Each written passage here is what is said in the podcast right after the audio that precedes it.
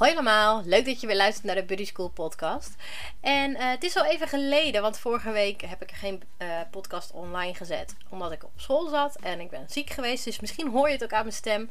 Klinkt af en toe een beetje raar, een beetje kikker in mijn keel. Maar uh, we gaan weer een, een, leuke aflevering maken. En vandaag wil ik het hebben over lichaamstaal lichaamstaal van een hond, weliswaar.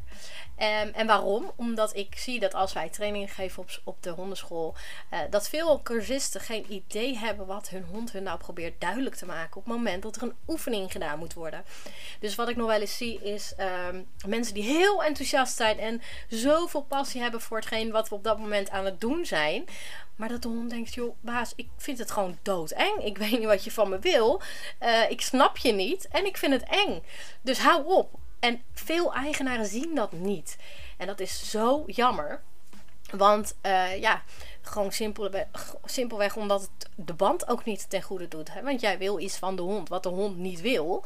Of wat hij heel eng vindt. En jij gaat hem dwingen omdat jij zoveel enthousiasme in je hebt. Wat natuurlijk prachtig is. Maar uh, niet altijd gewenst is voor je hond en voor jullie band. Dus uh, het leek mij wel leuk om het daar even over te hebben. En ik ga hem ook, uh, ik, tenminste ik ga proberen deze aflevering kort te houden. Puurweg, ja, gewoon simpelweg omdat het uh, uh, niet heel lang hoeft te duren om zulke dingen te bespreken. Uh, als je erin wil verdiepen, kan dat natuurlijk altijd. Maar stuur me dan even een berichtje, want dan kan ik altijd nog meer toelichten of misschien vragen beantwoorden. Maar laten we gewoon even beginnen met de simpele, uh, simpele dingetjes. Dus de dingen die we eigenlijk alledaags tegenkomen. En dat is natuurlijk honden aaien. Want iedereen wil zo'n fluffbal wel even aaien. Zo'n zo'n lekkere haardos die, uh, die op vier voetjes ziet langs uh, lopen. Die wil iedereen wel aaien. Kinderen vooral natuurlijk. Die, die vinden het vaak heel leuk. Sommige kinderen stieren er ook op af. Dus nou ja, dat ten eerste. Hou ze altijd tegen. Want hè, het is hetzelfde als dat een kind in één keer naar een volwassen iemand toeloopt en diegene gewoon een knuffel geeft. Die persoon heeft waarschijnlijk ook zoiets van: Goh, kind, leuk, maar wie ben jij en wat doe jij? En uh. Dus um, houd kinderen altijd tegen als zij ten eerste zonder vragen je hond willen aaien. En ten tweede als ze gewoon ook echt erop afrennen. Rem ze af. Want dit is voor een hond gewoon niet prettig. Net als dat het voor een mens niet prettig is. Maar hoe merk jij nou dat als het kind netjes uh, toestemming heeft gevraagd en dergelijke. Uh, hoe merk jij nou of jouw hond dat wel of niet leuk vindt? Ja, als jouw hond wegduikt, met zijn kop naar beneden gaat, zeg maar. Dus het, niet echt het overdreven wegduikt, maar gewoon heel subtiel zijn hoofd naar beneden doet op het moment dat de hand nadert. Um, als bijvoorbeeld de hond wegkijkt. Als de hond opstaat, nou ja, dat is duidelijk dan, hè, als die weg probeert te lopen. Um, maar ook als hij bijvoorbeeld met zijn tong de hele tijd over zijn neus gaat uh, likken. Dat zijn allemaal van die signalen dat de hond zich niet op zijn gemak voelt. En dat hij het onprettig vindt wat er op dat moment gebeurt. Dus moet je eens opletten, ook gewoon zelf. Want je kan dus zelf ook uh, testen of jouw hond op dat moment aandacht van je wil, hè, lichamelijke contact met jou wil of niet. Um, ik doe dat ook met mijn hond. Ik aai mijn hond. Uh, ja, tuurlijk, soms gebeurt het nog wel eens dat ik hem spontaan aai en er niet over nadenk. Maar eigenlijk over het algemeen aai ik mijn hond niet zomaar. Ik doe mijn hand richting zijn kop. En hij bepaalt of hij op dat moment wel of niet aangeraakt wil worden. Want als ik hem ga aanraken terwijl hij daar helemaal geen zin in heeft, halen we er allebei niks uit. Het enige wat we eruit halen is dat hij het niet prettig vindt en misschien een beetje stress ervaart op dat moment. En dat ik denk, nou, waarom knuffelt hij niet lekker terug en ik heb er geen zin in? Nou, wat een, hè, een stomme situatie eigenlijk. Dus ik hou altijd mijn hand bij zijn hoofd. Uh, aan de zijkant. En 9 van de 10 keer, gelukkig in mijn geval, uh, legt hij dan zijn kop tegen mijn hand aan. En dan weet ik, oké, hij vindt het oké. Ik mag hem aaien. Maar het gebeurt ook dat hij er geen zin in heeft. En wat er dan gebeurt is dat als ik mijn hand dus inderdaad naast zijn hoofd hou, um, dat hij wegkijkt. Dan weet ik, dan heeft hij er geen zin in. Dan ga ik hem ook niet aaien. En tuurlijk komt het wel eens voor dat je die signalen over het hoofd ziet. Of dat je gewoon zelf enthousiast bent. Of nou ja, wat dan ook. Um, en het is ook echt niet meteen een, een vreselijk iets als, als het wel gebeurt dat je hem dan aait. Maar hoe vervelend is het dat je altijd tegen je zin in wordt geaaid? Als hond zijnde. Of altijd. Hè, als dat gebeurt. Is heel vervelend als die signalen die jij afgeeft genegeerd worden. Plus als het gaat om kinderen die soms hun enthousiasme ook niet kunnen bedwingen, gaat het vaak van kwaad tot erger. ze beginnen met een rustig uh, aantje over het hoofd. Nou ja, dat op zich is al soms voor sommige honden heel erg lastig. Maar dan soms gaan ze aan de oren zitten of aan de wangen of nou ja, noem maar op. En dan kunnen er ook hele gevaarlijke situaties ontstaan op het moment dat jij het uh, de lichaamstaal van jouw hond niet leest. Uh, of dat je het misschien niet ziet, dat kan. Maar probeer eens bewust te kijken naar hoe jouw hond reageert als je contact met hem of haar maakt. Um, gaat hij, uh, komt hij naar je toe? Helemaal prima. Dan is het gewoon een knuffelkont op dat moment. En dan heeft hij er gewoon helemaal zin in om, uh, om lekker met jou op de bank te knuffelen of wat dan ook. Maar als jouw hond ervoor kiest om weg te lopen, of hij doet zijn hoofd naar beneden, of je ziet veel wit van zijn ogen, uh, wil jou niet aankijken, of gaat heel extreem veel met zijn tong over zijn neus bijvoorbeeld. Um, ja, wegkijken is natuurlijk dus eentje. Dat zijn allemaal tekenen dat een hond op dat moment eigenlijk helemaal geen zin heeft om uh, aangeraakt te worden of om te knuffelen. Dus check het eens een keer bij je hond. Want het is best wel interessant om, uh, ja, om dat te zien eigenlijk. En dan komen we natuurlijk ook bij het stukje als je dus inderdaad op de club bezig bent, op de hondenschool. En uh, je moet een oefening doen. Kijk eens naar jouw hond. Want misschien begrijpt hij niet wat je van hem wil. Maar als hij het wel begrijpt, wat straalt hij uit? Wat zie je aan hem? Is hij een beetje rillerig? Is hij een beetje huiverig? Uh, schudt hij zich veel uit? Want dat is eentje waarvan wij denken: oh, van nou ja, oké, okay, hij zal wel jeuk hebben gehad. Of uh, zijn oor zit gek. Of nou ja, noem maar op. Maar vaak is dat ook een teken van stress. Want uh, ja, honden ervaren natuurlijk ook gewoon stress.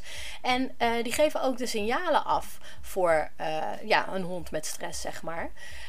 Um, alleen als wij die niet kennen, is het natuurlijk heel lastig voor ons om dan ja, daarin iets te veranderen aan wat wij aan het doen zijn op dat moment. Dus um, hou eens in de gaten wat jouw hond doet en let eens op die signalen. ik zal ook even een paar stresssignalen um, ja, noemen. Dus bijvoorbeeld, nou ja, zoals ik al eerder noemde, het wegdraaien van het hoofd. Dat is een stresssignaal. Uh, tongelen, dat is dus inderdaad met de neus, uh, of met de tong over de neus uh, gaan. En bijvoorbeeld gapen is ook een uh, stresssignaal. En dan moeten we natuurlijk heel duidelijk zijn uh, daarover van wanneer gebeurt het. Want het is natuurlijk niet zo dat als jouw hond lekker op de bank ligt te slapen uh, en hij begint te gapen dat hij gestrest is. Dus het moet natuurlijk wel passen bij de situatie op dat moment. Um, maar gapen is dus ook een stresssignaal. Hijgen is een stresssignaal. bij hijgen moet je natuurlijk opletten. Heeft hij veel gedaan? Is het warm? nou ja, dat soort dingen. Um, maar als, dat, als de omstandigheden er in principe niet naar zijn, kan hijgen inderdaad een stresssignaal zijn. Het oogwit laten zien van een hond. Uh, dat zijn ook, uh, zeg maar, als je echt die witte randen van de ogen ziet, kan dat ook een stresssignaal zijn. Moeten we ook daarin goed opletten wat voor hondenras heb je. Want sommige honden hebben natuurlijk wat meer hangogen. Dat past dan bij de hond. Dus het hangt er ook maar van af van is dit iets wat hij altijd heeft. Vanaf dat hij misschien pup was of wat dan ook. Of is dit nu ineens bij deze situatie dat ik dat zie.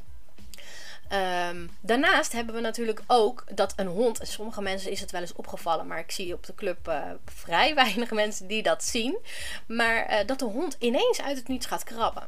En dat is natuurlijk heel gek, want als hij gewoon over een, een uh, balkje moet lopen of over een handdoek moet lopen, en hij gaat in één keer zitten en hij gaat zichzelf zitten krabben, um, dan kan je je afvragen: wat heeft die hond, heeft die vlooien, of heeft hij iets waardoor hij moet krabben? Nou, 9 van de 10 keer is dat nee. Um, dan kunnen we, kan het zijn dat we praten over overspronggedrag. Dan zal ik eventjes uitleggen hoe dat zit. Um, net zoals de mens heeft een hond gedragssystemen.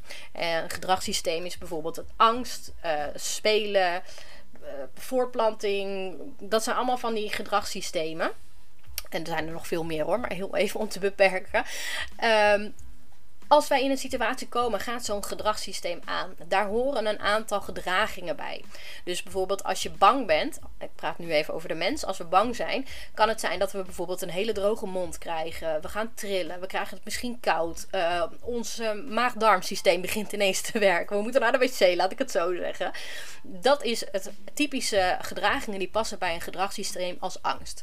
Daarnaast heb je dus ook uh, andere gedragssystemen wat er kan gebeuren met het overspronggedrag is dat als uh, gedragssysteem 1 bijvoorbeeld in het geval van de hond uh, angst voor de balk. En gedragssysteem 2, ehm, dat hij bijvoorbeeld wel uh, graag erheen wil, hè, spel bijvoorbeeld. Als die twee met elkaar gaan botsen, dan neemt een derde gedragssysteem het over. En dan is dus dat je dus ineens uit het niets hele gekke gedragingen ziet die niet passen bij, dit, bij deze oefening of bij deze situatie. Um, dus dat is gedrags, uh, overspronggedrag. En um, ja, dat kan je dus herkennen aan uh, gedragingen die absoluut niet zouden passen bij, uh, het gedrag, of bij de situatie die op dat moment plaatsvindt. Dan zie je dus dan vaak dat honden in één keer gaan zitten en gaan ze zitten krabben. Um, maar ja, het kan dus ook zijn dat je hond gaat zitten graven ineens uit het niets. Of overdreven veel snuffelen. Dat zijn allemaal van die dingetjes dat je uh, vraagtekens bij kan zetten van... Goh, snuffel je nou omdat je iets ruikt of omdat je moet plassen? Of snuffel je nou omdat je gewoon echt niet begrijpt wat er gebeurt? En dat je jezelf gewoon in de weg zit op dat moment. Um, het, dat, dat, zijn, dat is overspronggedrag. Maar dat zien we dus ook gebeuren op de club. Uh, dat, dat ik cursisten bezig zie en dat ik me afvraag van goh, kijk eens naar je hond. Of kijk je wel naar je hond? Want ik zie heel duidelijk dat de hond dit doodeng vindt. En um, sommige honden die rennen niet weg van een situatie, maar die verstijven. Dus uh, voor de eigenaar denkt hij dan van nou, hij staat gewoon te wachten, hij snapt het niet. Maar ik zie een hond die denkt: Oh, ik durf echt niet. Ik wil ook niet dat, dat, ik, dat ik ik durf niet weg, want ik wil ook niet dat er wat gebeurt als ik wegloop. Dus ik blijf staan. En ik zie dus ook inderdaad bijvoorbeeld het overdreven gapen, het uitschudden. Dat zijn allemaal stresssignalen die dan passen bij de situatie. Omdat ik zie dat die hond gewoon heel erg bang is. Of dit is de eerste keer dat hij iets doet. Of misschien de eerste keer dat hij iets ziet. En um, ja, dat, dat zijn van die, uh, van die dingen dat, dat uh, heel erg jammer is als je dat als eigenaar over het hoofd ziet. Want het kan gewoon zijn dat als jouw hond dat inderdaad heel spannend vindt en jij merkt dat op, dan kan je misschien die oefening of overslaan of misschien op een andere manier doen, zodat het wel leuk is voor de hond. Um, waardoor de hond ook gewoon wat makkelijker uh, met jou meegaat in die oefening. Want op die manier kan je dus een situatie of een oefening laten slagen. Want dat is wat we willen natuurlijk. En zoals ik ook al eerder heb gezegd, begin no of stop nooit op het moment dat iets niet lukt. Je moet altijd stoppen op het moment dat het lukt. Dus um, zet je hond niet voor het blok en met de gedachte dat hij misschien kan falen. Want dat is gewoon zonde. Never set your dog up for failure dat is gewoon zonde, want op die manier leert de hond het ook niet. En ik zal een voorbeeld noemen. Um, mijn hond Teddy die vindt het bijvoorbeeld heel erg eng, maar echt heel eng om trap te lopen en ook de auto in te gaan. Nou, ik met mijn heel intelligent, heel intelligent gedachtegang dacht, nou weet je wat, ik koop zo'n trapje die je aan je auto kan bevestigen, zeg maar, en dan kan die erin. Nou, dat is natuurlijk het stomste wat ik had kunnen doen, want mijn hond vindt traplopen heel eng en hij vindt de auto heel eng. En ik dacht, nou, dat doen we wel even op de manier hoe ik dat altijd heb geleerd. En hoe ik dat met mijn andere honden heb gedaan in het verleden. Ik ga hem gewoon stap voor stap laten wennen aan die trap. En dan vervolgens um, dat aan elkaar gaan koppelen. Zodat die hond gewoon netjes de trap opgaat om vervolgens de auto in te gaan. Nou ja, dat werkt natuurlijk helemaal niet zo. Want mijn hond vond het doodeng. Dus ik was hem eigenlijk gewoon ook soort van aan het straffen. Want ik wilde dat hij iets ging doen wat hij heel eng vond. Dat zou hij daar dan ingaan. Dat vond hij ook heel eng. En vervolgens um, krijgt hij dan een koekje. Nou ja, dat, mijn hond vond dat het niet waard. En terecht, hij had helemaal gelijk. dus um, toen ben ik met de trainster, uh, zijn wij... Uh, zijn we aan de gang gegaan met hem. En ze zegt, nou weet je, we moeten zorgen dat hij in ieder geval die trap uh, niet eng vindt. Maar dat is nog te hoog gegrepen, want hij vindt het echt heel eng. Dus we hebben een loopplank, die hebben we op de club. En die heeft ze uh, neergelegd op de grond. En daar hebben we Teddy overheen laten lopen. Nou, perfect. Niks aan de hand. Geen enkele angst. Gewoon eroverheen lopen. Niks, geen stresssignalen, helemaal niks. Ze zegt, nou gaan we hem bij de auto neerleggen. Gaan we daar overheen lopen. Dus niet aan de auto vast gedaan. Maar gewoon even over de overheen laten lopen. En uh, nou, hetzelfde verhaal. Geen probleem. Maar toen ging die dus aan de auto. En toen had Teddy zoiets van, ja, maar dat ga ik niet doen. Dus wat hebben we gedaan? We hebben hem gewoon heel veel beloond. En voor elke stap die hij dichter deed bij, uh, bij de loopplank, um, was gewoon een stap de goede richting in. Hij, was, hij deed het en dat vond ik goed. Want hij, hij overwon op die manier zijn angst. Dus ik heb hem niet gestraft voor het feit dat hij zijn angst niet kon overwinnen. Ik heb hem beloond voor het feit dat hij elke keer, al was het maar een millimeter, iets dichter bij zijn angst kwam. En ehm, dit hebben we dus heel erg uh, met hem geoefend. Elke stap die hij deed, kreeg hij weer een koekje. En dan ging hij er weer even af. Dan lieten we hem weer even een stukje eraf gaan. Want zijn voorpoten erop, dat ging op een gegeven moment vrij snel ging dat goed.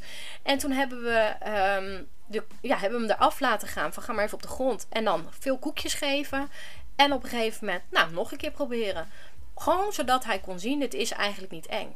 Totdat hij, tot mijn grootste verbazing, en zo trots was ik op hem, over die loopplank, hop, de auto in. Nou, ik heb geloof ik mijn hele zak omgekeerd. Hij heeft van alles gekregen qua koekjes. En toen zei ze: Oké, en nou gaan we hem er weer uit laten lopen. En ik dacht: Nee, want ik wil hem, hij zit eindelijk. Ik wil hem niet meer eruit. Maar ze had natuurlijk helemaal gelijk.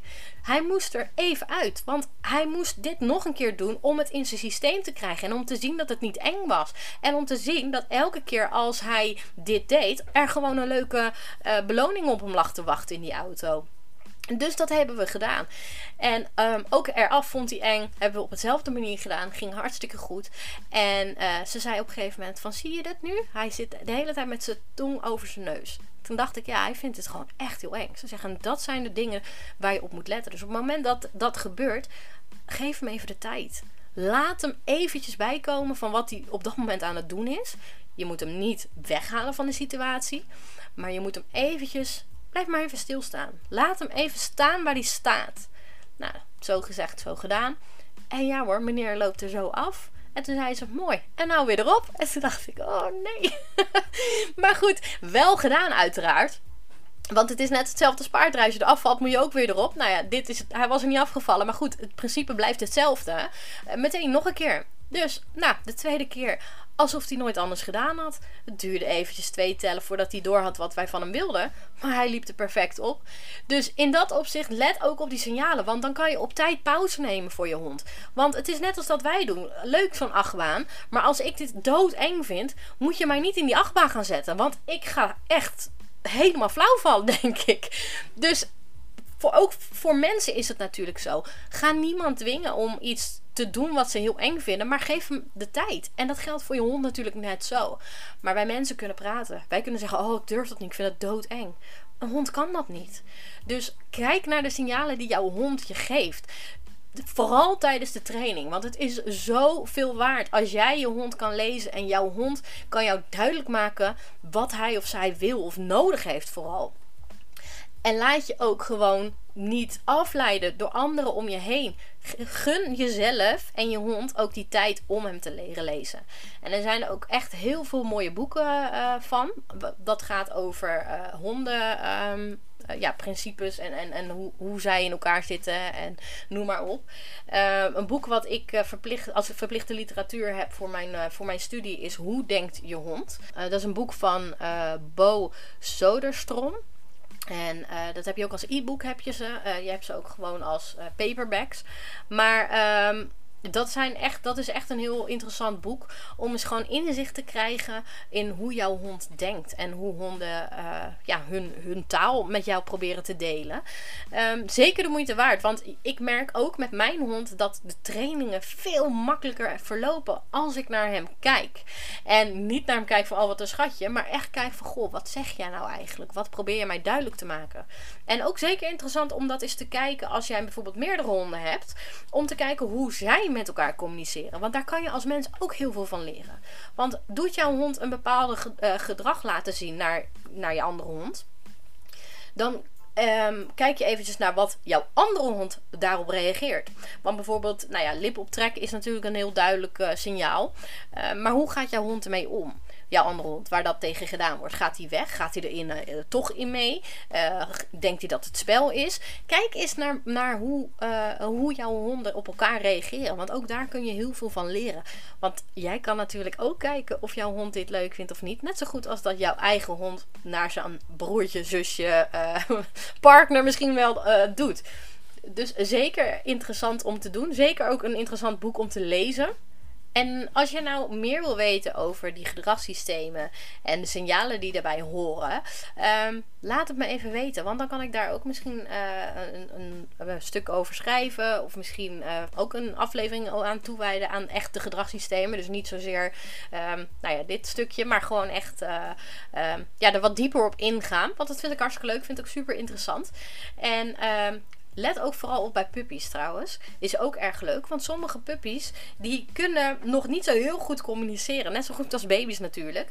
Dus het is altijd wel heel erg schattig om te kijken hoe puppies onderling aan het spelen zijn. En als je dan kijkt naar, ook naar de leeftijden, dan zie je dat ze daar echt in groeien. En dat is ook erg leuk om te zien. Wij doen dat op de club ook uh, met de puppycursus. Dan, uh, we hebben een puppyren. Dan laten we de honden, uh, moeten kijken we welke bij elkaar passen. Het zijn dan puppies. Dan hebben we het over 8 tot 16 weken. En dus we kijken wel welke bij elkaar passen, ook qua leeftijd. Maar dan zetten we ze dus in de, in de puppyren, zoals we dat noemen. En um, dan kijken we ook naar wat ze doen. En je ziet heel duidelijk die signalen naar elkaar toe. En die worden natuurlijk, nou, hoe ouder ze worden, wat sterker. Uh, maar zeker leuk om te doen. Dus als jij twee puppies hebt, kijk eens hoe ze daarin groeien. Want het is zo leuk om te zien en zo interessant. Um, dus laat me maar weten als je meer wil weten over die gedragssystemen en over lichaamstaal. Want daar kunnen we ook veel dieper op ingaan. En we kunnen daar veel meer over uh, delen met elkaar. Maar het lijkt me ook leuk om te weten of jij je hond kan lezen. Dus als jij het idee hebt dat je hond kan lezen, laat het me weten. Ik ben heel benieuwd naar wat voor situatie dat was. En uh, dan. Uh, kunnen we daar een beetje over kletsen. Lijkt me hartstikke gezellig. Voor nu laat ik het hierbij. Ik heb al lang genoeg gekletst. En uh, ik hoop dat je volgende keer weer luistert. Voor nu wens ik een hele fijne dag. En ik hoop dat het wat droger blijft. Vooral voor ons hondenbezitters is dat natuurlijk wel heel aangenaam als het iets minder regent. Maar ja, wie weet. In ieder geval, tot volgende keer. Doei!